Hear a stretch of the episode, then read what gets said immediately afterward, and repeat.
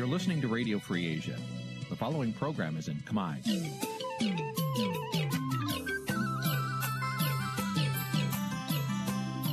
នេះជាកម្មវិធីផ្សាយ Vuthu Azizi Serai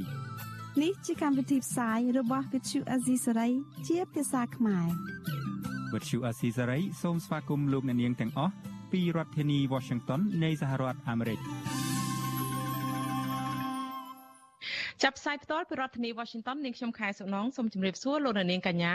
ប្រិយមិត្តអ្នកស្ដាប់និងអ្នកទស្សនាការផ្សាយរបស់វិទ្យុអាស៊ីសេរីទាំងអស់ជាទីមេត្រីចា៎យើងខ្ញុំសូមជូនកម្មវិធីផ្សាយសម្រាប់យប់ថ្ងៃសៅរ៍13រោចខែមករាឆ្នាំឆ្លូវត្រីស័កពុទ្ធសករាជ2565ដែលត្រូវនឹងថ្ងៃទី1ខែមករាគ្រិស្តសករាជ2022ចា៎ក្នុងឱកាសឆ្នាំថ្មីនេះនាងខ្ញុំសូម ជូនពរដល់លោកនាងកញ្ញាទាំងអស់ឲ្យជួបប្រទះតែនឹងសេចក្តីសុខសាន្តនៅក្នុងក្រុមគ្រួសារជួបប្រកបតែនឹងការរួចផុតនៅគ្រោះភ័យហើយនឹងជោគជ័យគ្រប់ទាំងភារកិច្ចការងារចាជាដំបូងនេះសូមអញ្ជើញលោកនាងស្ដាប់ព័ត៌មានប្រចាំថ្ងៃដែលមានមេតិការដូចតទៅ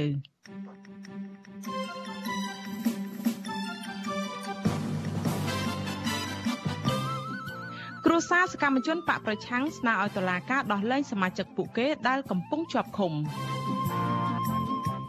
អ្នកជំនាញថាសេដ្ឋកិច្ចកម្ពុជាឆ្នាំថ្មីអាចងើបឡើងវិញបន្តិចប៉ុន្តែនៅមានបញ្ហាប្រឈមច្រើន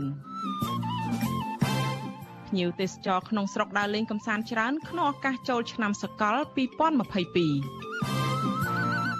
ចានៅក្នុងនេតិកម្មវិធីផ្សាយរបស់យើងនេះក៏មានកិច្ចពិភាក្សាមួយអំពីថាតើស្ថានភាពនយោបាយឆ្នាំ2022នេះនឹងវិវត្តទៅជាបែបណារួមនឹងព័ត៌មានផ្សេងៗមួយចំនួនទៀត។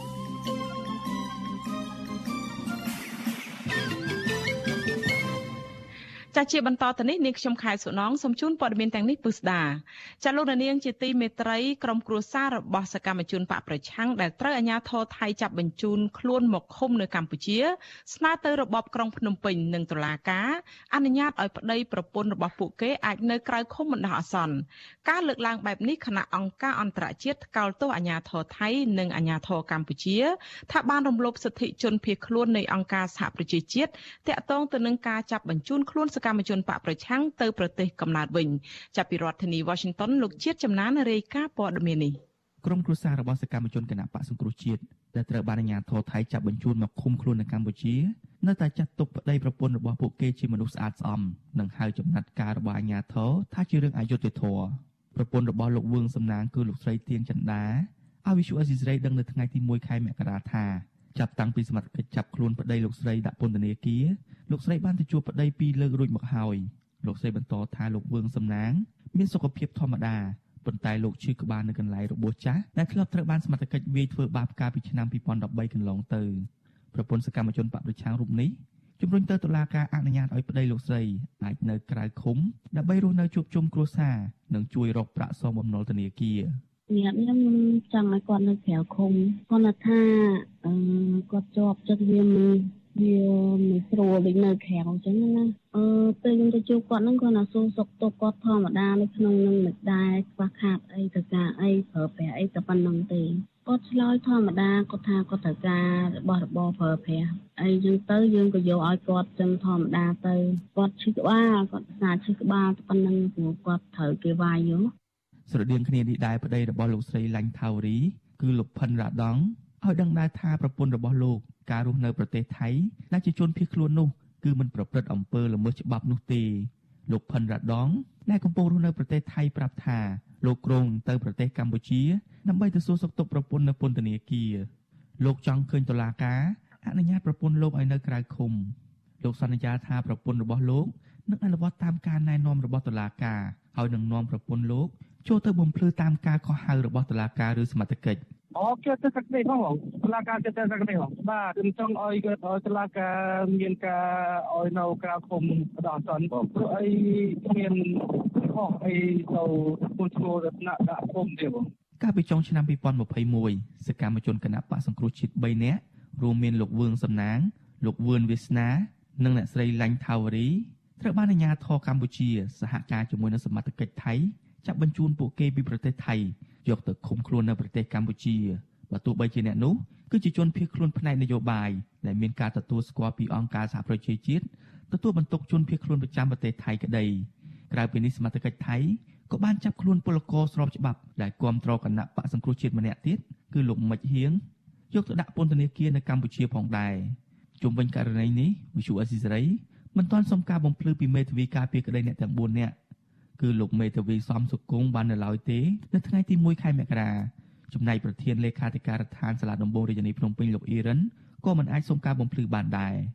ទោះជាយ៉ាងណាលោកមេធាវីសំសុគង្គធ្លាប់ឲ្យដឹងការពីពេលថ្មីថ្មីនេះថាលោកក្រុងស្នើសុំទៅតុលាការឲ្យកូនក្តីរបស់លោកអាចនៅក្រៅឃុំបណ្ដោះអាសន្នមេធាវីលើកឡើងថាការចាប់ខ្លួនអ្នកទាំងនោះគឺជាការបំពានសិទ្ធិធ្ងន់ធ្ងរព្រោះពួកគេ3នាក់គឺជាជនភៀសខ្លួនផ្នែកនយោបាយ ដែលមានការទទួលស្គាល់ពីអង្គការសហប្រជាជាតិទទួលបន្ទុកជនភៀសខ្លួននៅប្រទេសថៃហើយម្នាក់ទៀតជាពលករដែលមានឯកសារគ្រប់គ្រាន់ក្នុងការធ្វើការងារនៅប្រទេសថៃតាក់ទងនឹងការចាប់បញ្ជូនជនភៀសខ្លួនខ្មែរទៅកាន់ប្រទេសកម្ពុជាវិញជាបន្តបន្ទាប់នេះអង្គការឃ្លាំមើលសិទ្ធិមនុស្សអន្តរជាតិ Human Rights Watch និងឧត្តមស្នងការអង្គការសហប្រជាជាតិទទួលបន្ទុកជនភៀសខ្លួនសោកស្ដាយនឹងថ្កោលទោសចំពោះរដ្ឋាភិបាលថៃនិងកម្ពុជា ថាកំពុងរំលោភសិទ្ធិមនុស្សធ្ងន់ធ្ងរដែលមិនអាចទទួលយកបាននោះឡើយ នាយករងទទួលបន្ទុកកិច្ចការតំបន់អាស៊ីនៃអង្គការឃ្លាំមើលសិទ្ធិមនុស្សអន្តរជាតិ Human Rights Watch លោក Phil Robertson រិះគន់ការចាប់ខ្លួននេះថាជាការបញ្ជូនត្រឡប់ទៅវិញក្នុងទម្រង់ជាការដោះដូរទំនិញដែលបង្កគ្រោះថ្នាក់ដល់អាយុជីវិតរបស់ប្រជាពលរដ្ឋខ្មែររាប់រយនាក់ដែលរត់គេចពីការបង្ក្រាបរបស់លោកនាយករដ្ឋមន្ត្រីហ៊ុនសែនសកម្មជនគណៈបកសង្គ្រោះជាតិលោកវឿនវាសនា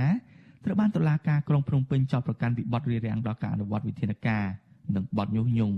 ចំណែកលោកវឿងសំណាង ត្រូវបានតុលាការចោទប្រកាន់ពីបទរួមគំនិតក្បត់រីឯអ្នកស្រីឡាញ់ថាវរីត្រូវបានតុលាការចោទប្រកាន់ពីបទញុះញង់គណៈពលករលោកមិចហៀងត្រូវបានតុលាការចោទប្រកាន់ពីបទញុះញង់និងប្រមាថព្រះមហាក្សត្រខ្ញុំបាទចិត្តចំណាន Visual Assisray ពីរដ្ឋធានី Washington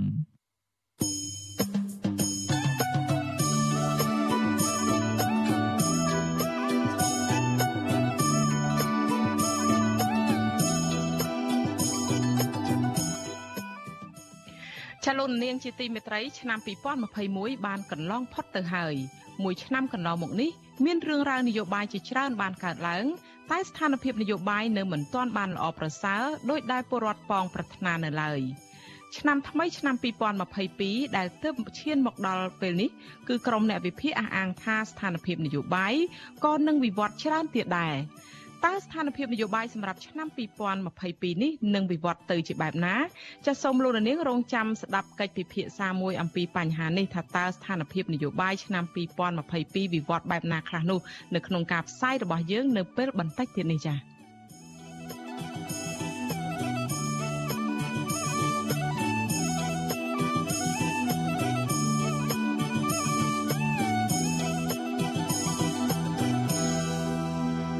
លោកនាងកញ្ញាជាទីមេត្រីចាតកតងទៅនឹងរឿងវិស័យទេសចរឯនេះវិញភ្ញៀវទេសចរនៅក្នុងស្រុកបាននាំគ្នាដើរលេងកំសាន្តច្រើននៅក្នុងយប់ឆ្លងឆ្នាំ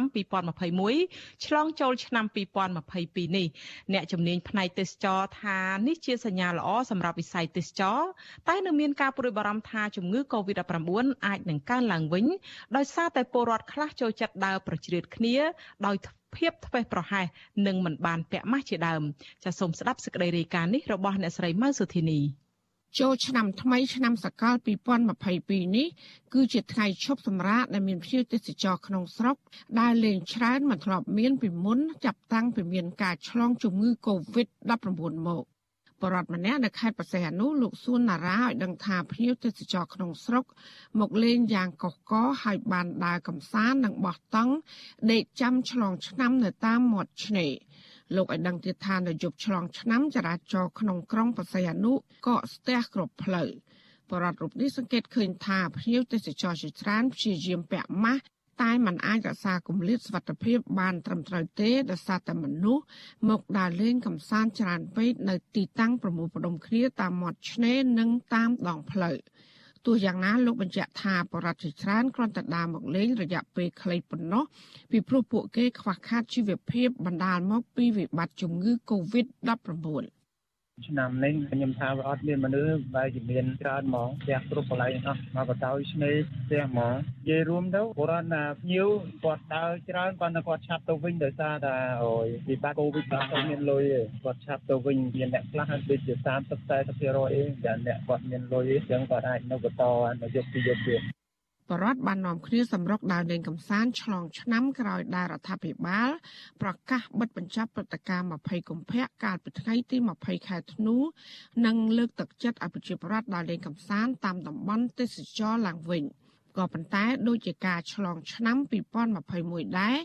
នៅឆ្នាំនេះអាជ្ញាធររក្សាវិធានការដដែលគឺមិនអនុញ្ញាត ឲ្យមានការរៀបចំប្រគំតន្ត្រី ឬក៏តាំងពិព័រណ៍ទ្រង់ទ្រាយធំក៏ប៉ុន្តែជំនួសដោយការដាក់ពង្រាយកងកម្លាំងរៀបចំសម្ដាប់ធ្នាប់ និងការផ្សព្វផ្សាយណែនាំរបស់ក្រសួងសុខាភិបាល ក្នុងការទប់ស្កាត់ការឆ្លងរាលដាលនៃជំងឺ Covid-19 វិទ្យុអសីស្រីមិនអាចសុំការបញ្ជាក់បន្ថែមរឿងនេះពីអ្នកនាំពាក្យក្រសួងទេសចរលោកតុបសុភ័ក្របានទេ នៅថ្ងៃទី1ខែមករានេះ តែយ៉ាងណាអ្នកជំនាញផ្នែកទេសចរមើលឃើញថានេះគឺជាសញ្ញាណល្អសម្រាប់វិស័យទេសចរព្រោះតែវាជាការបថុយប្រឋាននឹងការឆ្លងជំងឺ Covid-19 ឡើងវិញពីព្រោះថាអ្នកដើរកំសាន្តច្រើនពេកมันអាចរក្សាគម្លាតសុវត្ថិភាពបាន ហើយម្យ៉ាងទៀតអ្នកខ្លះក៏មិនបានពាក់ម៉ាស់ត្រឹមត្រូវនោះឡើយ។ ជាប្រធានសហព័ន្ធវិស័យទេសចរនិងសេវាកម្មកម្ពុជាលោកមុំរដ្ឋីឲ្យដឹងថាភ្ញៀវទេសចរក្នុងស្រុករាប់ម៉ឺននាក់បានណាត់គ្នាឆ្លងខេត្តសម្រុកទៅឆ្លងឆ្នាំពីខេត្តមួយទៅខេត្តមួយលោកសង្កេតឃើញថានៅយប់ឆ្លងឆ្នាំមានមនុស្សរាប់ម៉ឺននាក់បានប្រមូលផ្ដុំគ្នាដើរលេងកម្សាន្តជាក្រុមតាមទីប្រជុំជននិងតំបន់ទេសចរនៅក្នុងស្រុកជាពិសេសគឺនៅខេត្តសៀមរាបនិងនៅតំបន់ជាប់សមុទ្រ លោកបន្តថាទីតាំងទេសចរទាំងនោះនៅតូច ដែលធ្វើឲ្យមានការកកកុញនិងប្រឈៀតគ្នា ចំណែកអ្នកដើរលេងមួយភាគ3មិនបានពាក់ម៉ាស់ត្រឹមត្រូវលោកមុំរិទ្ធីយល់ថានេះគឺជាសញ្ញាចាប់ផ្ដើមដ៏ល្អមួយ នៃការងើបឡើងវិញនៃវិស័យទេសចរហើយស្នើសុំឲ្យរដ្ឋាភិបាលខិតខំតាក់ទាញភ្ញៀវទេសចរអន្តរជាតិមកលេងកម្ពុជាឲ្យបានច្រើនទើបធ្វើឲ្យសេដ្ឋកិច្ចងើបលឿនឡើងវិញ។ ភ្ញៀវស្រុកដើរភាគច្រើនខាតវិញឯងព្រោះគាត់រកបានតិចតិចទៅពេលខែបនខែទៀនគាត់ដើរលេងអាហ្នឹងវាជាការចំណាយក្នុងស្រុកឯងគាត់ថាសេដ្ឋកិច្ចដើរលុយដើរប៉ុន្តែវាអត់ចំណេញតែបើយើងទាញអ្នកដែលវិនិយោគមកពីក្រៅស្រុកយកមកចូលក្នុងយើងយកលុយមកចំណាយក្នុងប្រទេសយើងក្នុងផ្ទះយើងអាហ្នឹងបានជារឿងល្អប្រសើរច្រើនជាង ចាមន្ទីរទេសចរខេត្តមួយចំនួនបានបង្ហាញរបាយការណ៍បណ្ដាបណ្ដាដោយបានបង្ហាញថាឆ្នាំនេះភ្ញៀវទេសចរក្នុងស្រុកបានកើនឡើងច្រើនជាងឆ្នាំមុនចិត្តពាក់កណ្ដាលដូចជានៅខេត្តប្រស័យហនុមានភ្ញៀវទេសចរដើរលេងកម្សាន្តនិងបោះតង់ដេកលើឆ្នេរសមុទ្រត្រប់ជាង50000នាក់និងនៅខេត្តសៀមរាបមានភ្ញៀវទេសចរក្នុងស្រុកដើរលេងកម្សាន្តជិត2សែននាក់ ចាននាងខ្ញុំម៉ៃសុធានីវិទ្យុអាស៊ីស្រីប្រធានាធិបតី Washington ចាលោករនាងកញ្ញាជាទីមេត្រីចាអ្នកជំនាញសេដ្ឋកិច្ចនិងកសិកម្មមើលឃើញថាសេដ្ឋកិច្ចកម្ពុជាអាចនឹងងើបឡើងវិញបន្តិចដោយសារតែការពង្រឹងវិធានការទប់ស្កាត់ជំងឺ Covid-19 ទោះយ៉ាងណាក្តីអ្នកជំនាញប្រមានថាកម្ពុជាអាចងាយប្រឈមនឹងកត្តាហានិភ័យច្រើនដោយសារតែការរាតត្បាតជំងឺ Covid-19 ជាថ្មីទៀតជាពិសេសមេរោគបំផ្លែងថ្មីអូមីក្រុងចាពួកគាត់លើកឡើងថាបញ្ហានេះទាមទាររដ្ឋាភិបាលត្រូវតែដាក់ចេញនៅវិធានការជាក់លាក់នៅនឹងត្រូវឲ្យមានការចូលរួមអនុវត្តពីគ្រប់ភាគីទាំងអស់ដើម្បីធានាស្ថិរភាពសេដ្ឋកិច្ចនិងជីវភាពពលរដ្ឋក្នុងគ្រាលំបាកនេះចាលោកនាងនឹងបានស្ដាប់សេចក្តីរាយការណ៍នេះពុស្ដានៅព្រឹកស្អែក ចាលោកនាងកញ្ញាជាទីមេត្រីចាងងាកមករឿងការរីករាលដាលនៃជំងឺ Covid-19 ដែលក្រសួងសុខាភិបាលរកឃើញថាអ្នកជំងឺ Covid-19 ចំនួន14ករណីថ្មីទៀតដែលសុទ្ធសឹងតែជាករណីនាំចូលនិងជាមេរោគបំផ្លែងខ្លួនថ្មីអូមីក្រុងចាចំពោះករណីស្លាប់វិញក្រសួងប្រកាសថាមិនមានអ្នកស្លាប់នោះទេនៅថ្ងៃដដែលនេះគិតត្រឹមព្រឹកថ្ងៃទី1ខែមករានេះកម្ពុជាមានអ្នកកើតជំងឺ Covid-19 ប្រមាណ120,000នាក់ក្នុងនោះអ្នកជាសះស្បើយមានជាង110,000នាក់និងអ្នកស្លាប់មានចំនួន3012នាក់ក្រសួងសុខាភិបាលប្រកាសថាគិតត្រឹមថ្ងៃទី31ខែធ្នូម្សិលមិញរដ្ឋាភិបាលចាក់វ៉ាក់សាំងជូនពលរដ្ឋដែលគ្រប់អាយុប្រមាណ10លាន1សែននាក់សម្រាប់ដូសទី1និង9លាន8សែននាក់សម្រាប់ដូសទី2ចំណែកកុមារនិងយុវជនដែលមានអាយុចន្លោះពី5ឆ្នាំដល់17ឆ្នាំវិញក្រសួងបញ្ជាក់ថាចាក់វ៉ាក់សាំងបានប្រមាណ4លាននាក់ក្នុងចំណោមអ្នកដែលត្រូវចាក់សរុបជាង4លាននាក់ Música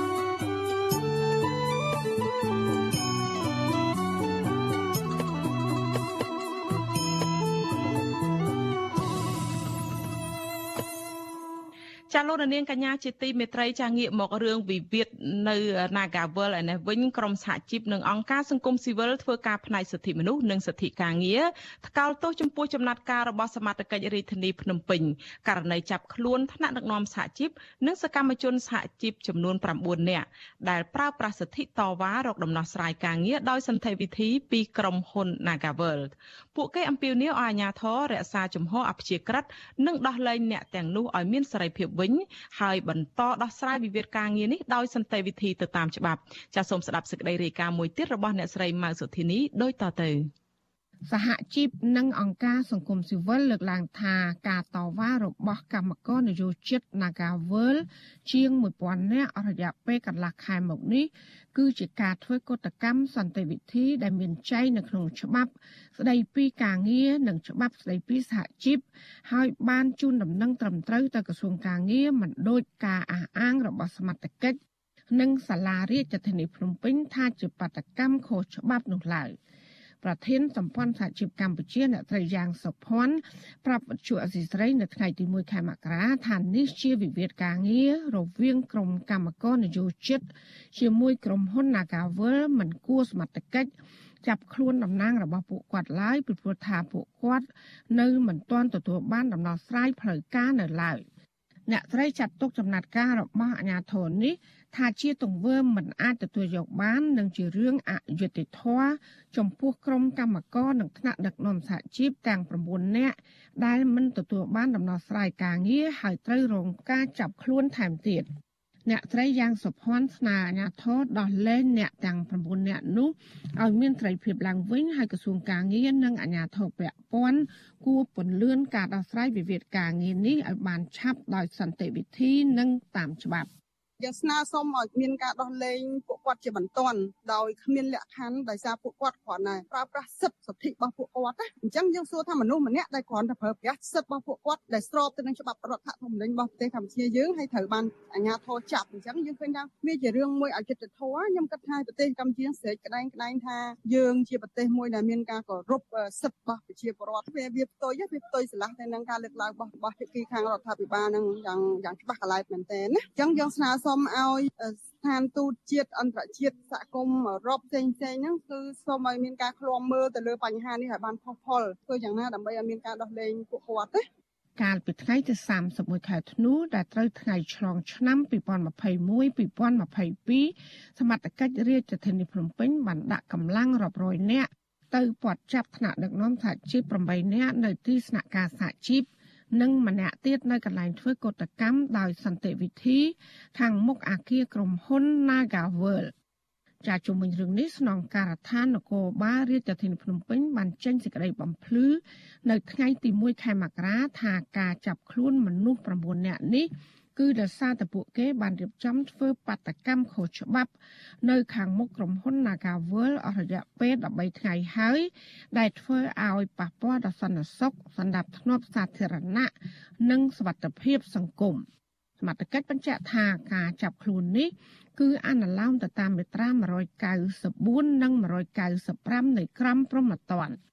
បច្ចុប្បន្នសមត្ថកិច្ចកំពុងអនុវត្តនីតិវិធីទៅតាមច្បាប់ លើកម្មករនិងថ្នាក់ដឹកនាំសហជីពទាំង9នាក់នោះជាវត្ថុអសីស្រីមិនអាចសុំការបំភ្លឺបន្ថែមករណីនេះពីអ្នកនាំពាក្យស្នងការដ្ឋាននគរបាលរាជធានីភ្នំពេញ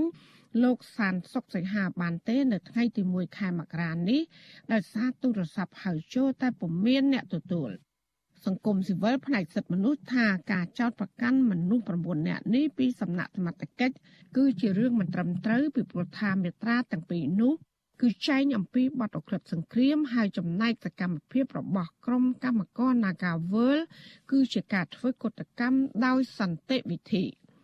ចាននាយករងទទួលបន្ទុកផ្នែកខ្លំមើលសិទ្ធិមនុស្សនៃអង្គការលីកាដូលោកអំសំអាត មានប្រសាសន៍ថាការចាប់ខ្លួនថ្នាក់ដឹកនាំសហជីពកម្មករនេះ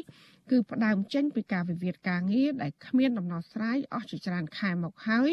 ធ្វើឲ្យកម្មករនយោជិតសម្រាប់ចិត្តជ្រើសយកការធ្វើកតកម្ម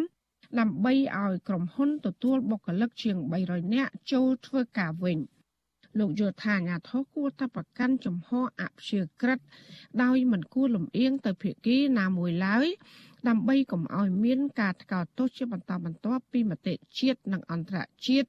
ជុំវិញវិវាទការងារនៅក្រុមហ៊ុន Nagavel ដើម្បីដោះស្រាយបញ្ចប់នៃវិវាទការងាររវាងក្រុមហ៊ុន Nagavel ជាមួយនឹងបុគ្គលិក Nagavel ហ្នឹងគួរតែមានដោះលែងអ្នកទាំងអស់គ្នានឹងឡើងវិញហើយបន្តនីតិវិធីនៅក្នុងការចរចារកដំណោះស្រាយដើម្បីបញ្ចប់ នៃវិវាទការងារនៅនាការវើលហ្នឹងវាជាការល្អមិនទី1មិនរំលោភទៅលើសិទ្ធិការងាររបស់បុគ្គលិកនាការវើលទី2មិនរំលោភសិទ្ធិមនុស្សទី3គឺបញ្ជានៃការរិះគន់និងការថ្កោលទោសអំពីសហគមន៍អន្តរជាតិទៅលើការរំលោភបំពានទៅលើសិទ្ធិរបស់បុគ្គលិកនាការវើលហ្នឹងបាទ តកតងរឿងនេះអ្នកគ្រប់គ្រងកម្មវិធីសិទ្ធិការងារនៃអង្គការសង្ត្រាល់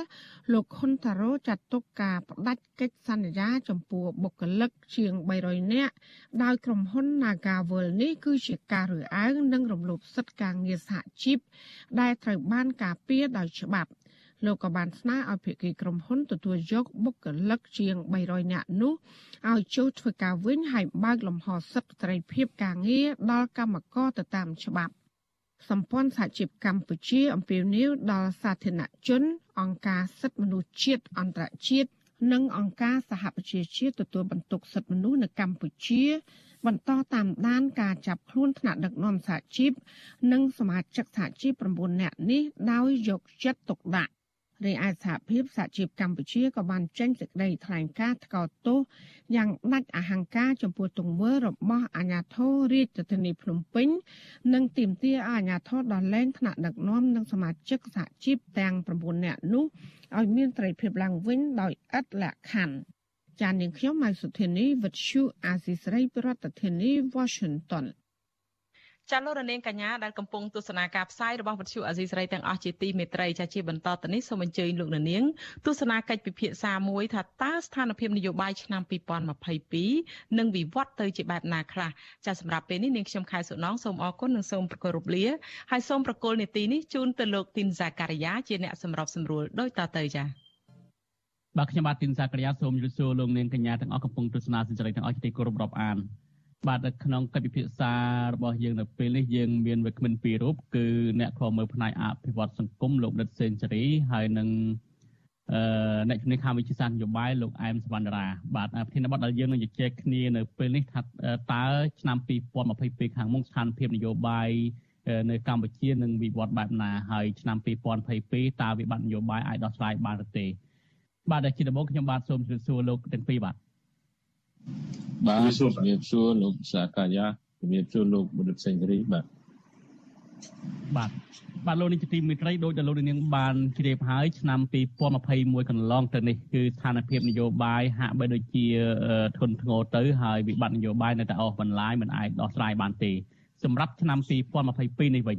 តើវិបត្តិនយោបាយនៅកម្ពុជាអាចដោះស្រាយបានឬទេហើយតើ អ្នកនយោបាយខ្មែរអាចងាកមកតកចរចាដែរឬយ៉ាងណានោះបាទជាដំបូងនេះខ្ញុំសូមជម្រាបសួរលោកដិតសេនស៊ូរីតែម្ដងតើការព្យាកររបស់លោកនៅសម្រាប់ឆ្នាំ2022នេះតើស្ថានភាពនយោបាយនៅកម្ពុជានឹងវិវត្តបែបណាបាទសូមចេញបាទសូមជម្រាបសួរអឺ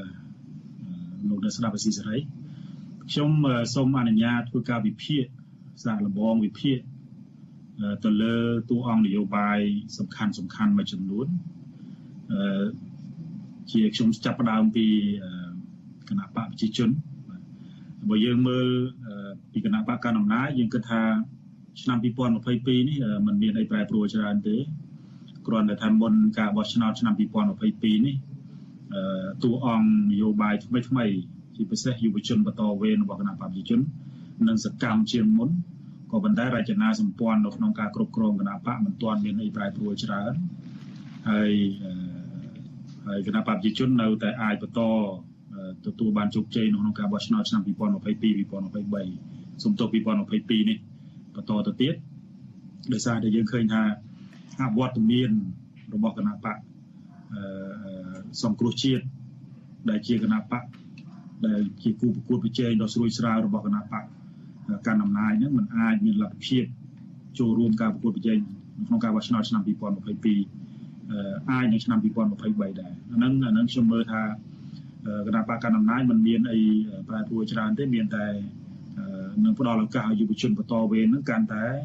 មានឱកាសនៅក្នុងការរៀនសូត្រពង្រឹងសមត្ថភាពកាន់តែខ្លាំងបន្តទៅទៀតហ្នឹងចំណុចទី1បាទបើយើងក៏លេខមើលទៅគណៈបកប្រឆាំងឥឡូវនេះយើងឃើញថាតួអង្គនយោបាយពីរធំធំនេះ ចុងក្រោយនេះយើងឃើញមានការប្រទាំងប្រទេសគ្នាច្រើនហើយរហូតទៅដល់លោកកឹមសុខាដែលជាប្រធានគណៈបកសង្គ្រោះជាតិនឹងប្រកាសអំពីការបែកគ្នានៅក្នុងបណ្ដាញសង្គមរបស់ខ្លួននឹងថាកឹមសុខាសំរងស៊ីនឹងលែងជាមនុស្សតែមួយហើយហើយឈប់យករូបថតឈប់យកឈ្មោះរបស់លោកកឹមសុខាយកទៅប្រើប្រាស់ដើម្បីជាផលប្រយោជន៍នយោបាយបន្តទៅទៀតបាទក៏ប៉ុន្តែដោយឡែក លោកសំលោកសំរងស៊ីហាក់ដូចជាមិនព្រមលែងលះទេ នៅតែបន្តគិតថាដោយសារតែលោកកឹមសុខានឹងអាចមានគំនាបសង្កត់ណាមួយដែលជំរុញឲ្យលោកកឹមសុខានឹងចេញសារនយោបាយបែបនេះហើយលោកសំរងស៊ីនៅតែប្រកាសថាអឺកឹមសុខាសំរងស៊ីនឹងនៅតែមនុស្សតែមួយលុះត្រាតែលែងជាមនុស្សតែមួយនោះលុះត្រាតែលោកកឹមសុខានឹងគឺ មានន័យថាបោះបង់គោលដៅរបស់ខ្លួនឬក៏ចាកចេញពីប្រធានគណៈបកដើម្បីបង្ហាញច្បាស់ថាកឹមសុខាសំរងស៊ីលែងជាមនុស្សតែមួយនេះអានេះបើយើងមើលរូបភាពរួមរបស់គណៈបកសង្គ្រោះជាតិប៉ុន្តែបើយើងមើលតួអង្គដោយឡែកជាពិសេសខ្ញុំមើលតួអង្គលោកសំរងស៊ីខ្ញុំគិតថាឆ្នាំ2022នេះក្នុងការបោះឆ្នោតនេះគឺដាច់ខាតគាត់មិនមានឱកាសនៅក្នុងការត្រឡប់ចូលរួម ដឹកនាំឬក៏ចូលរួមចលនានយោបាយដើម្បីចូលរួមការបោះឆ្នោតឆ្នាំ2022ទេគឺការបោះឆ្នោតគុំសង្កាត់ហើយកន្លងមកនេះយើងឃើញថាជំហាននៃការធ្វើនយោបាយរបស់គាត់ហ្នឹងក៏ឈានដល់កម្រិតមួយដែលពិបាកនៅក្នុងការចរចាពិបាកនៅក្នុងការឲ្យព្រះមហាក្សត្រហ្នឹងអភ័យទោសអីជាដើមអញ្ចឹងខ្ញុំគិតថាគាត់គាត់ពិបាកនៅក្នុងការអាចត្រឡប់មកសេវានយោបាយវិញក៏ប៉ុន្តែខ្ញុំជឿថាគាត់នៅតែមិនបោះបង់ នៅក្នុងការតស៊ូដើម្បីរកយុត្តិធម៌ជូនគណៈបកសង្គ្រោះជាតិក៏ដូចជាតស៊ូនៅក្នុងគោលបំណងរបស់គាត់ដើម្បីប្រជាធិបតេយ្យនៅកម្ពុជានេះជាការប្រកាសរបស់គាត់ដោយឡែកយើងមើលតួអង្គមួយទៀតគឺតួអង្គលោកកឹមសុខា ដែលជាតួអង្គមួយនៅក្នុងស្រុកកំពុងតែជាប់បំរាមតឡាការក៏ប៉ុន្តែទោះបីយ៉ាងណាក៏ដោយយើងឃើញថា សកម្មភាពខ្លះគាត់នៅធ្វើបាននៅឡើយដូចជាការចុះចែកអំណោយចុះជួបជាមួយនឹងមួយរយៈចុងក្រោយនេះគាត់អាចចុះជួបជាមួយសកម្មជនគាត់អាចផ្ញើសារនយោបាយច្រើនបាទជាដើមបានជាងហើយឥឡូវនេះយើងខ្ញុំឃើញមានសេណារីយ៉ូ3ដែលដែលពាក់ព័ន្ធទៅនឹងការកាត់ទោសឆ្នាំថ្ងៃទី19ខែមករា2022នេះនឹងមានការបើកសាវនាការឡើងវិញទៅលើលោកកឹមសុខាអញ្ចឹងវាអាចមានលទ្ធផល3 លទ្ធផលទី1គឺលោកកឹមសុខាត្រូវបានកាត់ទោសអឺដោយមិនមានទោសមានន័យថាមិនមានកំហុសហើយត្រូវបើសិនជាក្នុងករណីលោកកឹមសុខាមិនមានកំហុសគឺសង្គ្រោះជាតិគណៈបាលសង្គ្រោះជាតិនឹងរស់ឡើងវិញហើយបើព្រោះក្នុងការព្រោះថាការរំលាយរបស់ការរំលាយគណៈបាលសង្គ្រោះជាតិហ្នឹងគឺដោយសារតែតុលាការចោទថាលោកកឹមសុខានឹងមានសន្តិទ្ធភាពជាមួយនឹងបរទេសនៅក្នុងការបដិរំលំរដ្ឋាភិបាល ដូច្នេះបើសិនជាក្នុងករណីសេណារីយ៉ូទី1កើតឡើងគឺលោកកឹមសុខាក៏មានសិទ្ធិសេរីភាពពេញលេញឡើងវិញគណៈបក្សសង្គ្រោះជាតិក៏រស់ឡើងវិញដែរហ្នឹងសេណារីយ៉ូទី1សេណារីយ៉ូទី2គឺតុលាការកាត់ទោសឲ្យលោកកឹមសុខាមានទោសក៏ប៉ុន្តែអឺឲ្យសង្គ្រោះជាតិក៏មិនអាចរស់ឡើងវិញដែរព្រោះលោកកឹមសុខាមានទោសហើយបញ្ជូនលោកកឹមសុខាត្រឡប់ទៅពន្ធនាគារវិញមួយរយៈ ហើយមានការស្នើសុំពីនាយករដ្ឋមន្ត្រីដើម្បីឲ្យមានការលើកលែងទោសពីព្រះមហាក្សត្រអញ្ចឹងសេណារីយ៉ូសេណារីយ៉ូមួយនេះក៏អាចកើតឡើងដែរ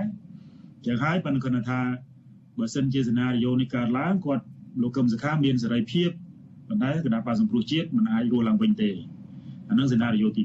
2សេណារីយ៉ូទី3គឺតុលាការទម្លាក់ចោលការចោលប្រកាន់អីចឹងទៅក៏ប៉ុន្តែអឺ ឬក៏ផ្ដល់នៅសិទ្ធិសេរីភាពអីពេញលេញឡើងវិញទៅបើយើងមើលមុំពីមុំនយោបាយវាអាចទៅរួចក៏ប៉ុន្តែបទចោតនៅតែរក្សាដដែលអញ្ចឹងសេណារីយ៉ូមួយនេះគឺលោកកឹមសុខាមានសិទ្ធិសេរីភាពវិញក៏ប៉ុន្តែមិនពេញលេញទេដោយសារគាត់នៅបទចោតរបស់គាត់មិនទាន់ទម្លាក់ក្នុងករណីហ្នឹងដូចជាមន្ត្រីជាន់ខ្ពស់គណៈបកសង្គ្រោះជាតិមួយចំនួនក៏ដូចគ្នាដែរអាចមាននីតិសម្បទានយោបាយឡើងវិញក៏ប៉ុន្តែ បទចោតតឡាការអត់ទាន់ទម្លាក់ទេអញ្ចឹងហើយសេណារីយ៉ូទី3នេះលោកកឹមសុខាមានសិទ្ធិសេរីភាពពេញលេញប៉ុន្តែនៅមិនទាន់បទចោតមិនទាន់ទម្លាក់ក៏ប៉ុន្តែសង្គ្រោះជាតិក៏មិនអាចរស់ឡើងវិញដែរសេណារីសេណារីយ៉ូទាំង3នេះខ្ញុំមើលទៅលទ្ធភាពដែលអាចកើតឡើងហ្នឹងគឺសេណារីយ៉ូទី3ព្រោះរដ្ឋាភិបាលក៏មិនប្រចំប្រឈមជាមួយនឹងការទូទាត់បំណុលឬក៏ការទូទាត់គេហៅថា ការខាតបង់របស់គណៈបក្សសង្គ្រោះជាតិទេបើសិនជាក្នុងករណីសេណារីយ៉ូទី1កើតឡើងអញ្ចឹងរដ្ឋាភិបាលត្រូវពិចារណាទៅលើការទូទាត់អឺគេហៅថាការបាត់បង់ឬការខូចខាតរបស់សង្គ្រោះជាតិដែរព្រោះចោតគេខុសអញ្ចឹងហើយយើងឃើញថាអឺបើសិនជាទោះបីយ៉ាងណាក៏ដោយខ្ញុំឃើញថាបើសិនជាក្នុងករណីទាំង3សេណារីយ៉ូនេះគឺសង្គ្រោះជាតិមិនអាចកើតឡើងសង្គ្រោះជាតិមិនអាចរស់ឡើងវិញទេអញ្ចឹងអាចមានសិទ្ធិសេរីភាពមេដឹកនាំ របស់សង្គ្រោះជាតិគឺលោកកឹមសុខាអញ្ចឹងហើយលោកកឹមសុខាក៏មិនអាចអោបគណៈបកសង្គ្រោះជាតិទុកបានដែរអញ្ចឹងរឿងនៅពេលដែលសង្គ្រោះជាតិមិនអាចកើតឡើងលោកសំរងស៊ីនឹងបន្តកិច្ចការងារតស៊ូដើម្បីយុត្តិធម៌របស់គណៈបកសង្គ្រោះជាតិហើយលោកកឹមសុខាចង់មិនចង់គាត់ប្រកាសជាអឺត្រឡប់មកចូលសេវានយោបាយវិញសួរសេវានយោបាយវិញនេះខ្ញុំឃើញមានជំរើសពីរសម្រាប់លោកកឹមសុខាជំរើសទី1គាត់ត្រូវតែធ្វើការ ឲ្យគាត់ត្រូវទៅឲ្យគណៈបកសិទ្ធិមនុស្សរបស់គាត់នឹងរស់ឡើងវិញដើម្បីទៅដឹកនាំហើយចូលរួមប្រកួតក្នុងការបោះឆ្នោតឆ្នាំ2022 2023ជំរើសទី2គឺគាត់ត្រូវទៅគេហៅថាទៅដឹកនាំបកណាមួយដែលជាការរួបរวมរវាងសម្ព័ន្ធនៃគណៈបកតូចតូចដែលក្នុងនោះមានប្រមាណជា7 8គណៈបកហ្នឹងគាត់ទៅធ្វើជាមេសម្ព័ន្ធអញ្ចឹងទៅហើយចូលរួម នៅក្នុងការបោះឆ្នោតជំរើសទី3អានេះជាជាជំរើសមួយដែលខ្ញុំគិតថាអាចកើតឡើងតិចតួចមែនតើអឺគេហៅថាជាខ្យល់នយោបាយគឺការផ្ទេរអំណាចទៅកូន មានន័យថារុញឲ្យកញ្ញាកឹមមនោវិជាដែលជាកូនស្រីច្បងរបស់គាត់ហ្នឹងអឺមកដឹកនាំគណៈបកណាមួយ ហើយគាត់នៅពីខាងក្រោយឬក៏កញ្ញាមនោវិជាអាចចូលរួម ដឹកនាំគណៈបកណាមួយចូលប្រកួតការបោះឆ្នោតឆ្នាំ2022 2023ឲ្យដើមអញ្ចឹងទៅអានេះក៏ប៉ុន្តែខ្ញុំមើលទៅចំណុចចុងក្រោយនេះមានមានលទ្ធភាពទៅរួចតិចតួចណាស់ព្រោះលោកកឹមសកាគាត់នៅមានមហិច្ឆតានយោបាយនៅឡើយហើយគាត់គាត់ក៏មិនទាន់ជាចាស់អីរហូតដល់មិនអាចធ្វើនយោបាយបានដែរអញ្ចឹងហើយអានេះអានេះជាអ្វីនឹងអាចកើតឡើងមិនមិនប្រកាស100%ទេជាសេណារីយ៉ូដែលអាចកើតឡើង កំឡុងឆ្នាំ2022 2023បាទបាទលោកដិនសិនសេរីមុននឹងជំងាកទៅលោកអែមសវណ្ណរាជចង់បន្តបន្តិចទេការវិភាគរបស់លោកលើករណីលោកកម្មតខាតទៅនឹងសំណុំរឿងនឹងតឡាការដែលលោកវិភាគមាន3សេណារីយ៉ូនេះលោកថាអាចថាសេណារីយ៉ូទី3នឹងអាចកើតឡើងច្រើននៅឆ្នាំ2022មានន័យថាតឡាការនឹងអាចទម្លាក់ការចោទប្រកាន់លោកកម្មតខាប៉ុន្តែរក្សាបទចោទនៅដដែលបើសិនជាក្នុងករណីសេណារីយ៉ូទី3នេះកើតឡើង តុលាការនឹងទម្លាក់ចោលហើយរក្សាបទចោទដដែលឲ្យលោកកម្មតខាមានសេរីភាពប៉ុន្តែលោកកម្មតខានៅតែមិនអាចធ្វើនយោបាយបានដដែលមិនចឹងហ៎បាទអឺគាត់អាចធ្វើនយោបាយបានបើយើងមើលនីតិវិធីកន្លងមកគឺបទចោទឧទាហរណ៍ឧទាហរណ៍ជាក់ស្ដែងលោកករណីអឺមួយចុងក្រោយគេគឺអាយដាមថៃសិដ្ឋា គាត់គាត់គាត់អាចធ្វើនយោបាយគាត់អាចអីបានប៉ុន្តែបទចោទរបស់គាត់នៅតុលាការនៅឡើយទេមិនដឹងថាតុលាការនឹងចាប់យកមកចោទពេលណាទៀតទេនេះអញ្ចឹងមានថាលោកកម្មការសុំសិទ្ធិធ្វើនយោបាយទៅសុំសិទ្ធិធ្វើនយោបាយទៅលោកអន្តរឬទៅព្រះមហាក្សត្រទៅក្រោយពីក្រោយពីតម្លាក់ចោលការប្រកាន់ករណីលោកថៃយថាអាចធ្វើអញ្ចឹងប៉ុន្តែករណីលោកលោកកឹមសុខាប្រហែលជាអាចប្រសើរជាងនឹងគឺនៅពេលដែលតុលាការទម្លាក់ចោលនៅ ទោសកំហុសឬក៏ផ្ដាល់នៅសិទ្ធិសេរីភាពពេញលេញហើយគឺមិនចាំបាច់ត្រូវការមានការស្នើសុំនីតិសម្បទាអីឬក៏យ៉ាងម៉េចទេនេះសម្រាប់ខ្ញុំយល់ណាប៉ុន្តែបើសិនជាចូលតាមនីតិវិធីលោកកឹមសុខាក៏ត្រូវតែស្នើសុំនីតិសម្បទានយោបាយឡើងវិញដើម្បីឲ្យធ្វើនយោបាយបានដែរបាទអរគុណច្រើនងាកទៅលោកអែមសវណ្ណរាវិញលោកអែមសវណ្ណរាលោកលោកសិនសេរីបានជាកឬក៏វិភាគមើលអ្វីដែលកើតឡើងនៅឆ្នាំ2022នេះអឺ តាមដូចដែលលោកបានរៀបរាប់បាញ់មកនេះចំពោះទស្សនៈរបស់លោកវិញការព្យាកររបស់លោកវិញតើឆ្នាំ2022ស្ថានភាពនយោបាយនៅកម្ពុជានឹងវិវត្តបែបណាសូមជិញលោកបាទបាទខ្ញុំចាប់អារម្មណ៍ដែរលោកមនិតសេរីលើកឡើងសេណារីយ៉ូទាំង3ក៏ប៉ុន្តែខ្ញុំខ្ញុំនិយាយជារួមចេះវិញជា2ខ្ញុំទស្សនៈខ្ញុំខ្ញុំបែងចែកជា2ទស្សនៈនយោបាយ កម្ពុជាហើយទស្សនៈកម្ពុជានយោបាយកម្ពុជាវាពឹងផ្អែកទៅលើអធិបុលបតទេសសហគមន៍អន្តរជាតិខ្ញុំសូមលើកយកអធិបុលសហគមន៍អន្តរជាតិវាអាចជាអធិបុលដល់នយោបាយនៅកម្ពុជាបើយើងមើលក្របខ័ណ្ឌក្របខ័ណ្ឌកម្ពុជាដែលអនុវត្តតាមនយោបាយតំបន់អាស៊ានហើយនិងនយោបាយអន្តរជាតិកម្ពុជាដើរយកគន្លងថ្មីបានផ្លូវថ្មីក្រៅពី ការគូសពាសឬក៏កម្ពុជាបានព្រមព្រៀងក្នុងក្របខ័ណ្ឌអាស៊ានកាលពីប្រទេសប្រុយណេដែលជាប្រធានអាស៊ានឆ្នាំមុននេះបានសម្រេចគេថាព្រមព្រៀងជាមួយភូមានេះនៅក្នុងការដោះស្រាយបញ្ហាភូមាដោយយកគោលការណ៍5ចំណុចប៉ុន្តែរដ្ឋាភិបាលភូមាមិនបានទទួលយកទេមិនបានអនុវត្តពេញលេញទេដូច្នេះហើយការប្រជុំរបស់អាស៊ានលើក្រោយលើក្រោយជាមួយ ដៃគូតំបន់ដូចជាចិនដូចជាសហរដ្ឋអាមេរិកជាមួយអាស៊ានអត់មានវត្តមានវត្តមានភូមិទេនេះជាជាការព្រមព្រៀងមួយរវាងកម្ពុជាហើយនិងអាស៊ានទូទៅដោយមិនទទួលយកភូមិលក្ខណៈស្មើមុខទេដោយសារតែភូមិមិនព្រមអនុវត្តតាមគោលការណ៍ដែលខ្លួនព្រមព្រៀង5ចំណុចបាទប៉ុន្តែចំណុចមួយទៀតអឺរ៉ុបគេទទួលស្គាល់រដ្ឋាភិបាលសហរូបរួមជាតិរបស់ភូមិហើយនិង អង្គការសហប្រជាជាតិមិនទាន់ទទួលស្គាល់រដ្ឋាភិបាលយោធានៅឡើយទេនិងគេហៅថាទទួលរក្សានៅបេសកជនការទូតរបស់ភូមិដែលបានតែងដែលបានតែងតាំងពីរដ្ឋាភិបាលមុនដូច្នេះយើងឃើញកម្ពុជា ដំណើរទស្សនកិច្ចរបស់នាយករដ្ឋមន្ត្រីកម្ពុជាទៅភូមិនៅខែក្រោយហើយនឹងការជជែកនេះដើរនៅគន្លងថ្មីមួយបាទបើសិនបើកម្ពុជា អាចរកដំណោះស្រាយបានអាចបរួបរวมបញ្ហានឹងឲ្យភូមិងាកមករៀបចំការបោះឆ្នោតឬក៏ទទួលយកលទ្ធផលបោះឆ្នោតកាលពីខែ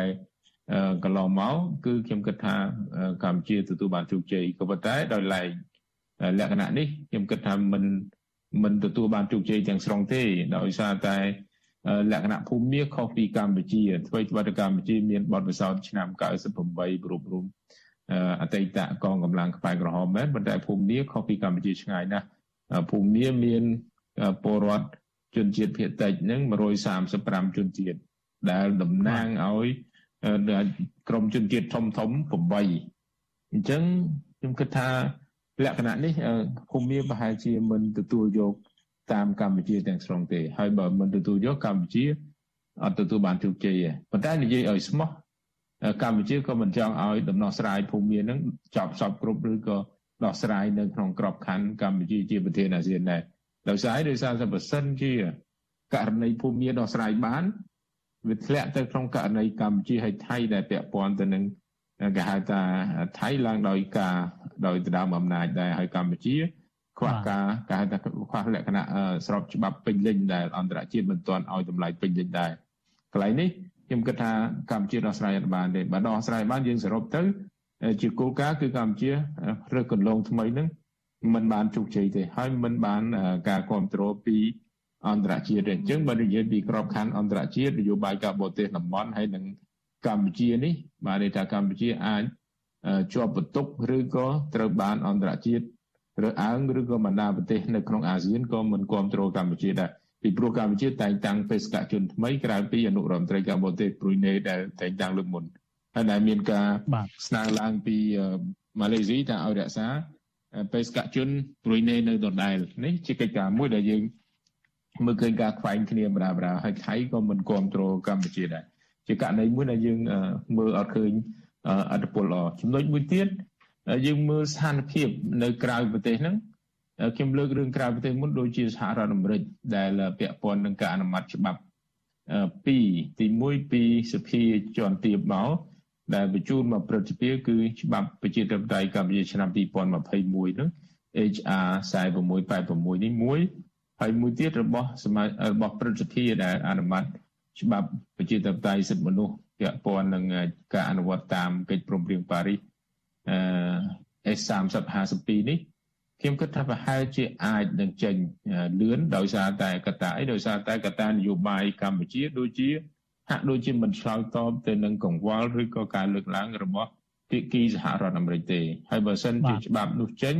ខ្ញុំគិតថាប្រហែលជាចេញក្រោយប្រជុំអាស៊ានត្រឹមច្រើនជាងមិនចេញមុនអាស៊ានទេហើយបើច្បាប់នេះចេញខ្ញុំគិតថាកម្ពុជា មានគេហៅថានយោបាយមួយប្រហែលជា ស្ថិតនៅក្នុងលក្ខណៈកាន់តែប្រឈមជាមួយនឹងលោកខាងលិចជាពិសេសសហរដ្ឋអាមេរិកដោយឡែកបើយើងមើលឃើញអត្តពលនឹងបើវាកើតឡើងនៅក្នុងនៅក្នុងផ្ទៃក្នុងកម្ពុជាយើងនេះគណៈបកគេហៅថាគណៈបកប្រឆាំងឬក៏គណៈបកតូចតូចផ្សេងផ្សេងអត់មានកម្លាំងពេញលេញឬក៏តម្លៃនយោបាយគ្រប់គ្រាន់នៅក្នុងការគៀងគោសម្លេងគ្រប់គ្រងទេអញ្ចឹងគណៈបកកណ្ដាលអំណាចដោយលោកមនិតសេងសេរីបាន លើកឡើងអញ្ចឹងគឺនៅតែរក្សាភាពឈ្នះឬក៏ហៅថាក្របដណ្ដប់ទៅដល់ការទៅដើមអាសនៈឃុំសង្កាត់ជាង1000ឃុំសង្កាត់ហ្នឹងនៅតែយកបានភាគច្រើនដដែលទេគណៈបកតូចតូចអាចបានតិចតួចមិនច្រើនទេហើយដោយឡែកអឺសហគមន៍ដឹកនាំគណៈបកប្រឆាំងខ្ញុំគិតថានៅតែជានៅតែប្រឈមបែកបាក់គ្នាប៉ុន្តែមិនទាន់លេចជារូបរាងទេអ្វីដែលលោកសាមរស៊ីគាត់ធ្វើខ្ញុំ ខ្ញុំគិតថាជាជាភាពវៃឆ្លាតរបស់អ្នកដឹកនាំនយោបាយមួយព្រោះលោកសំស៊ីនៅនៅទទួលយកការគ្រប់គ្រងរបស់ប្រជាពលរដ្ឋរបស់គណៈបកសង្គ្រោះជាតិលោកមិនបោះបង់ទេហើយបើមិនបើលោកកម្មសខាគាត់បោះបង់អាហ្នឹងគាត់បោះបង់ការគ្រប់គ្រងអញ្ចឹងពីរអ្នកហ្នឹងនិយាយសាមញ្ញជាថាបើសិនពីអ្នកដើរចេញវានឹងបោះគូតខោអត់មានអីទេហើយលោកសំស៊ីគាត់មានការភាពវៃឆ្លាតមួយកន្លែងហ្នឹងដែរហើយ ចំណុចមួយទៀតរឿងគណៈបកកណ្ដាលអំណាចក៏ជាចំណុចមួយដែរដែលគេហៅថាយុវជនជំនាន់ថ្មីថ្នាក់ដឹកនាំយុវជនថ្មីអញ្ចឹងក៏គេជំរុញឲ្យចូលរួមទៅការយុទ្ធនាការបោះឆ្នោតគុំសង្កាត់នេះច្រើនដែរហើយខ្ញុំគិតថាយន្តការនេះអឺវាមិនសំខាន់ទេសម្រាប់បរិយាកាសជាមួយគណៈបកប្រឆាំងបើគណៈបកប្រឆាំងមានលទ្ធភាពប្រគល់ប្រជែងដោយសេរីយុត្តិធម៌ស្មារតី ហើយប្រព័ន្ធបោះឆ្នោតឬក៏គណៈកម្មការជាតិរៀបចំការបោះឆ្នោតមានសមភាពឬក៏អាចទុកចិត្តបានខ្ញុំថាគណៈបកប្រឆាំងនៅតែមាននៅការកម្លាំងអាចប្រជែងឬក៏មានប្រជាប្រិយភាពតែតែតម្លៃនយោបាយពេញលេញដែលទទួលយកបានការគ្រប់គ្រងឬក៏អាចទៅដើមជ័យជំនះបានដែរបាទនេះយើងមើលឃើញទស្សនវិជ្ជាវានៅសម្ពេចសម្ពិលនៅក្នុងផ្ទៃក្នុងរវាងគណៈបកប្រឆាំងដែលមានការដឹកនាំដោយ លោកកឹមសុខានិងលោកសំស៊ីហាក់ដូចជាបែកគ្នាហើយប្រកាសបែកគ្នាប៉ុន្តែលោកសំស៊ីហាក់ដូចជានៅមិនព្រមដោយលោកសេងរីថាមិនព្រមដាច់អាឡ័យទេនៅជាប់ណាអានេះជាភាពវៃឆ្លាតមួយរបស់មេដឹកនាំនយោបាយដែលខ្ញុំអាចមើលឃើញថាលោកសំស៊ីគាត់មានភាពវៃឆ្លាតគាត់មិនបោះបង់សង្គ្រោះជាតិទេបាទបាទបាទខ្ញុំសូមលើកប៉ុណ្្នឹងសិនបាទបាទអរគុណច្រើនលោកអែមសវណ្ណរា ចំណុចដែលខ្ញុំចាប់អារម្មណ៍ខ្លាំងហ្នឹងលោកបានលើកឡើងថាអត្តពលបរទេសមកលើកម្ពុជា ពិសេសលោកបានលើកអំពីអតនកម្មរបស់សហរដ្ឋអាមេរិកនឹងអាចចេញពិសេសគឺច្បាប់ពីរហ្នឹងនឹងអាចចេញនៅឆ្នាំ2022ក្រោយពីប្រជុំអាស៊ាននឹងជាដើមបើសិនជាអាមេរិកអនុម័តច្បាប់នេះមែនហើយយើងឃើញហើយមេដឹកនាំកម្ពុជាហាក់បីដូចជាមិនខ្លាចរអាទេចំពោះតនកម្មរបស់អាមេរិកដោយកន្លងមកអាមេរិកថាមិនលក់គ្រឿងសុភីវុធឲ្យក៏ប្រកាសថា លោកហ៊ុនសែនប្រកាសយកគ្រឿងសុភីវុធយកកំភ្លើងយកទៅរបស់អាមេរិកកុំព្រិចចោលអញ្ចឹងជាដើមមកក្នុងករណីដែលអាមេរិកដាក់តនកម្មមែននៅឆ្នាំ2022តើសម្ព័ន្ធភាពរវាងកម្ពុជាហើយនិងអាមេរិកនឹងទៅជាបែបណាហើយបើសិនជាសម្ព័ន្ធភាពនឹងកាន់តែប្រឆាខ្លាំងតើការវិវត្តស្ថានភាពនយោបាយកម្ពុជានឹងនឹង2022នេះនឹងវិវត្តកាន់តែអាក្រក់បែបណាថែមទៀតបាទសូមជម្រាប អឺខ្ញុំគិតទៅលើទៅលើលទ្ធផលលើលទ្ធភាពនៃការសម្រេចចិត្តរបស់អាស៊ានប្រជុំនៅកម្ពុជាជាប្រធានអាស៊ានបើសិនបើអាស៊ានកម្ពុជាឈរទៅលើទស្សនៈបោះចិនដូចឆ្នាំ2012ទេរឿងសមុទ្រចិនខាងត្បូងហ្នឹងបណ្ដាសមាជិកនៃប្រទេសមានចំនួនដូចជាវៀតណាមហ្វីលីពីនម៉ាឡេស៊ីនិងប្រុយណេហ្នឹងរឹតតែបែកបាក់និងពុំមានការគ្រប់គ្រងកម្ពុជាទេហើយបើសិនបើ ចរន្តនឹងនៅក្នុងតំបន់មានការបែកបាក់ហើយនៅលោកខាងលិចជាប្រទេសសហរដ្ឋអាមេរិកមិនឲ្យតម្លៃឬក៏ចេញច្បាប់នោះមកគឺកម្ពុជាអាចប្រឈមខ្ញុំគិតថាទណ្ឌកម្មអាចកើតឡើងទៅលក្ខណៈបុគ្គលច្រើនជាងលក្ខណៈប្រទេសខ្ញុំគិតថាដាក់ត្រឹមតែបុគ្គលទេបើសិនបើបុគ្គលនឹងមិនកែប្រែទេទុកឲ្យប្រជាពលរដ្ឋអ្នកជំរុញហើយក្របខ័ណ្ឌប្រទេសខ្ញុំគិតថាសហរដ្ឋអាមេរិកនឹងមិនទាន់ចាត់វិធានការទេនៅដំណាក់កាលតានតឹងដែលអត់មាន ហៅថាលទ្ធភាពឬក៏ជំរឿសទើបអាចឈានទៅដល់លក្ខណៈប្រទេសបាទបានងាកមកលោកកម្រិតសិនសេរីវិញលោកក៏បានលើកអំពីសេណារីយ៉ូ2022នឹងកើតឡើងពិសេសគឺគណៈបកប្រជាជនកម្ពុជានឹងនឹងរៀបចំនឹងរៀបចំអ្នកបន្តវេននឹងហើយនឹងមានសកម្មភាពកាន់តែខ្លាំងថែមទៀតតើសកម្មភាពនឹងចេញជាបែបណាកាន់តែខ្លាំងថែមទៀតបាទចំពោះសេណារីយ៉ូទី1ដែលលោកបានលើកឡើងពីខាងដើមនោះបាទសូមចេញបើ យើងបើយើងមើលពីគណៈបកកណ្ដាលអំណាចបើយើងពីមើលពីលទ្ធភាពរបស់ពួកគាត់ពួកគាត់មានលទ្ធភាពគ្រប់បែបយ៉ាងទី1មនុស្សចំនួនមុនរបស់គាត់ជាអ្នកដឹកនាំរដ្ឋមានន័យថាជាអ្នកដែលអាចប្រើប្រាស់អំណាចរដ្ឋនៅក្នុងការធ្វើកិច្ចការងារដឹកនាំជាតិបានអញ្ចឹងហើយបើយើងបើយើងមើល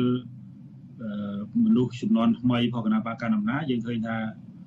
មនុស្សមួយចំនួនធំហ្នឹងក៏មានតួនាទីសំខាន់សំខាន់នៅក្នុងកិច្ចការងាររដ្ឋដែរអញ្ចឹងគាត់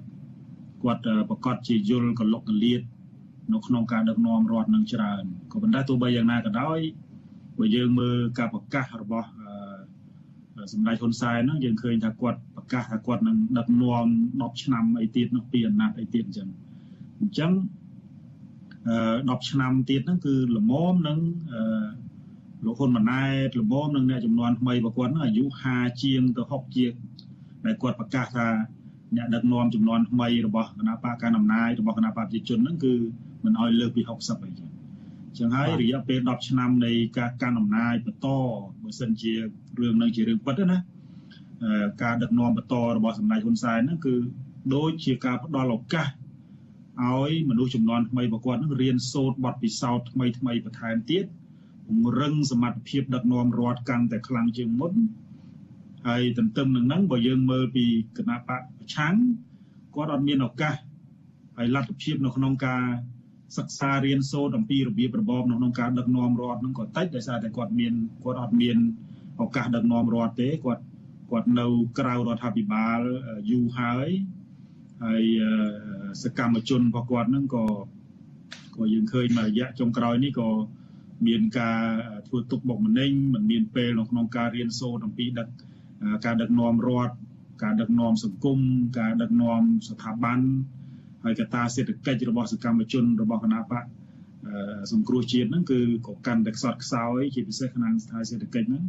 ក៏ប៉ុន្តែយើងមើលថាឆន្ទៈវិនិស្សការរបស់អ្នកតស៊ូនៅក្នុងគណៈបកសង្គ្រោះជាតិហ្នឹងអត់ថយទេអានេះហើយដែលដែលធ្វើឲ្យគណៈបកកណ្ដាលអំណាចនេះមានការព្រួយបារម្ភ ក៏ប៉ុន្តែបើខ្ញុំក្នុងនាមខ្ញុំជាអ្នកសិក្សាតាមដានពីបញ្ហាសង្គមនេះខ្ញុំមើលឃើញថាអឺទាំងគណៈបកកណ្ដាលអំណាចទាំងគណៈបកប្រឆាំងហ្នឹងសម្រាប់មនុស្សចំនួនថ្មីគួរតែគួរតែផ្លាស់ប្ដូរវិធីសាស្ត្រនៅក្នុងការដឹកនាំជាតិគួរតែផ្លាស់ប្ដូររបៀបរបបនៅក្នុងការធ្វើនយោបាយឲ្យបានច្រើនហើយជាពិសេសហ្នឹងគឺអតិថិជននយោបាយអឺក្រោយឆ្នាំ2022នេះភាគច្រើនសិតតែយុវជនចំនួនថ្មី ជាយុវជនដែលយើងឃើញថាមានកម្លាំងប្រមាណជា60%នៃកម្លាំងពលកម្មជាតិឬកម្លាំងផលិតកម្មគេហៅកម្លាំងផលិតភាពជាតិនោះបាទហើយបើសិនជាគោលនយោបាយរបស់ យើងមិនខ្វល់ថាយើងមិនដឹងថាអឺនយោបាយរបស់គណៈបកកណ្ដាលអំណាចហ្នឹងគាត់មានលទ្ធភាពគាត់ធ្វើគោលនយោបាយល្អដើម្បីតេទៀងយុវជនចំនួនថ្មីប៉ុណ្ណាទេហើយគណៈបកប្រឆាំងដែលជាមនុស្សចំនួនថ្មីគណៈបកប្រឆាំងមានគោលនយោបាយល្អ ដែលធានាផលប្រយោជន៍របស់យុវជននឹងប៉ុណ្ណាទេអាហ្នឹងគឺសំខាន់ណាស់ព្រោះមនុស្សចំនួនមុនគាត់គាត់ល្បេះទៅបដាបដាដោយសារតែជវាដោយសារតែវ័យចាស់របស់គាត់ក៏ប៉ុន្តែតម្រូវការរបស់មនុស្សពីរក្រុមហ្នឹងមនុស្សពីរចំនួនហ្នឹងខុសគ្នាដាច់ដោយសារតែមនុស្សចំនួនមុនគាត់ធំធាត់នៅក្នុងសម័យសង្គ្រាមតម្រូវការរបស់គាត់គឺត្រូវការសុខគេហៅត្រូវការសន្តិភាពរាងកាយប៉ុន្តែមនុស្សចំនួនថ្មីនេះគាត់ធំធាត់នៅក្នុង កំឡុងពេលដែលប្រទេសមានសន្តិភាពដែលគេហៅថាសន្តិភាពអវិជ្ជមានគឺសន្តិភាពមិនមានសង្គ្រាមហើយទន្ទឹមពេលនឹងបច្ចេកវិទ្យា technology ICT នឹងរីកចម្រើនអញ្ចឹងគាត់អត់ត្រូវការគ្រាន់តែជាសន្តិភាពរាងកាយទេគាត់ត្រូវការសន្តិភាពផ្លូវចិត្តទៀតគាត់ត្រូវការយុត្តិធម៌គាត់ត្រូវការសមភាពសង្គមណាគាត់ត្រូវការការដោះស្រាយបញ្ហាតាមបែបអហិង្សាមិនប្រើហិង្សាមិន មិនប្រើប្រាស់ការជេរប្រមាថបំពានសិទ្ធិសេរីភាពឯកជននេះគឺយុវជនចំនួនក្រោយគាត់អត់ចូលចិត្តសល់អសោះអញ្ចឹងហើយគោលនយោបាយរបស់គណៈបកទាំងគណៈបកដែលនឹងបន្តការដំណើរយុវជនចំនួនថ្មីរបស់គណៈបកកណ្ដាលនិងយុវជនចំនួនថ្មីរបស់គណៈបកប្រឆាំងហ្នឹងគឺដាច់ខាតទន្ទឹមនឹងការប្រកួតប្រជែងយកអំណាចហើយត្រូវតែប្រកួតប្រជែងយកចិត្តរបស់ពលរដ្ឋចំនួនថ្មីផងបើមិនអញ្ចឹងទេខ្ញុំថាគាត់មិនអាចបន្តរក្សាអំណាចរបស់គាត់បានទេបាទ លោកមានប្រសាសន៍ថាយុវជនរបស់កបៈប្រជាជនកម្ពុជាឬក៏គណៈបកប្រឆាំងគួរតែផ្លាស់ប្ដូរនៅវិធីសាស្ត្រនយោបាយនឹងផ្លាស់ប្ដូរបែបណាទៅបាទផ្លាស់ប្ដូរផ្លាស់ប្ដូរក្នុងដីនេះគឺផ្លាស់ប្ដូរឲ្យត្រូវជាមួយនឹងតម្រូវការរបស់យុវជនចំនួនថ្មីគេហៅពលរដ្ឋចំនួនថ្មីហ្នឹងខ្ញុំបានលើកឡើងមិញហើយថាពលរដ្ឋចំនួនថ្មីវាតម្រូវការរបស់ពួកគាត់ខុសពីពលរដ្ឋចំនួនឪពុកយើងរបៀបរបបរបស់គាត់បច្ចុប្បន្ននេះគាត់ត្រូវការផ្សេងអញ្ចឹងអា គេហៅថារសនិយមនយោបាយរបស់ពលរដ្ឋចំនួនថ្មីនេះមានការផ្លាស់ប្ដូរហើយអញ្ចឹងហើយអ្នកនយោបាយចំនួនថ្មីនេះគាត់មានភារកិច្ចធំធំពីរទី1គឺប្រកួតប្រជែងដើម្បីយកអំណាចទី2គឺគាត់ត្រូវតែធ្វើម៉េចឆ្លើយតបទៅនឹងរសនិយមនយោបាយរបស់មនុស្សចំនួនថ្មីបើសិនជាគាត់មានតលទ្ធភាពនៅក្នុងការប្រកួតប្រជែងអំណាចយកបានអំណាចហើយប៉ុន្តែគាត់មិនអាចឆ្លើយតបទៅនឹងតម្រូវការរបស់មនុស្សចំនួនថ្មីអានឹងក៏ពិបាកដែរ បាទអរគុណខ្ញុំងាកមកលោកអែមសវណ្ណរាវិញលោកអែមសវណ្ណរាបានលើកឡើងអំពីនយោបាយការបរទេសជាកត្តាសំខាន់នៅឆ្នាំ2022នេះហើយលោកបានបញ្ជាក់ឲ្យថាតនកម្មអាមេរិកនឹងបានកើតឡើងចុះបើយើងមើលអំពីទំនាក់ទំនងរវាងកម្ពុជាចិនវិញនៅ2022តើទំនាក់ទំនងនឹងនឹងទៅជាបែបណាទេបាទអឺខ្ញុំគិតថាមិត្តភាពដៃថែបមិត្តដៃថែបកម្ពុជាចិននឹងនៅ នៅរក្សាដដែលទេកតាអីបើយើងនិយាយអំពីគណៈបកកណ្ដាលអំណាចគឺលោកហាក់ដូចជាមានចិត្តឬក៏មានបំណងចង់រក្សាទំនាក់ទំនងឲ្យល្អតែដែលដោយសារតែលោកគិតអំពីអនាគតថាការគ្រប់គ្រងរបស់អ្នកដឹកនាំចំនួនថ្មីរបស់គណៈបកកណ្ដាលអំណាចយើងឃើញលោកនាយករដ្ឋមន្ត្រីនាំកូនរបស់លោកទៅជួបលោកនាយកលោកប្រធានាធិបតីស៊ីជីនពីងលោកនាយករដ្ឋមន្ត្រីចិន លីកឆាងអីជាដើមនេះជាការបង្ហាញអំពីការដៅផ្លូវទុកផ្លូវអញ្ចឹងជាយន្តការមួយយើងបង្ហាញឃើញត្រាស់ហ្នឹងហើយក៏ប៉ុន្តែទស្សនៈឬក៏ហៅថាមិត្តភាពនេះឯងវាផ្ដល់ផលប្រយោជន៍សេដ្ឋកិច្ចនិងនយោបាយការបរទេសតែជាងលោកខាងលិចទេព្រោះបើយើងមើលទំហំពាណិជ្ជកម្មកម្ពុជាចិនអត់ទាន់ដល់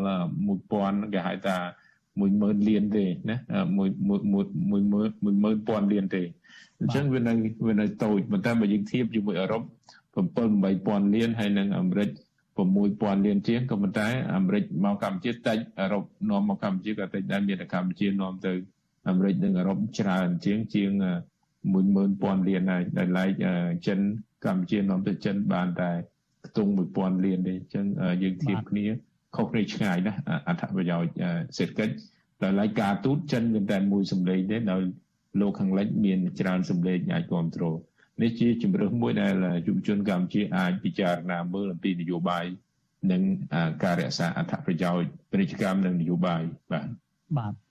អរគុណសំណួរចុងក្រោយតកតងទៅនឹងដំណោះស្រាយនយោបាយនៅឆ្នាំ2022នេះវិញលោកអែមសវណ្ណរាតើលោកមើលឃើញថានឹងមានដំណោះស្រាយណាមួយសំរុំដែលទេរវាងគណៈបកប្រឆាំងហើយនិងគណៈបកកណ្ដាលអំណាចទេបាទ អឺ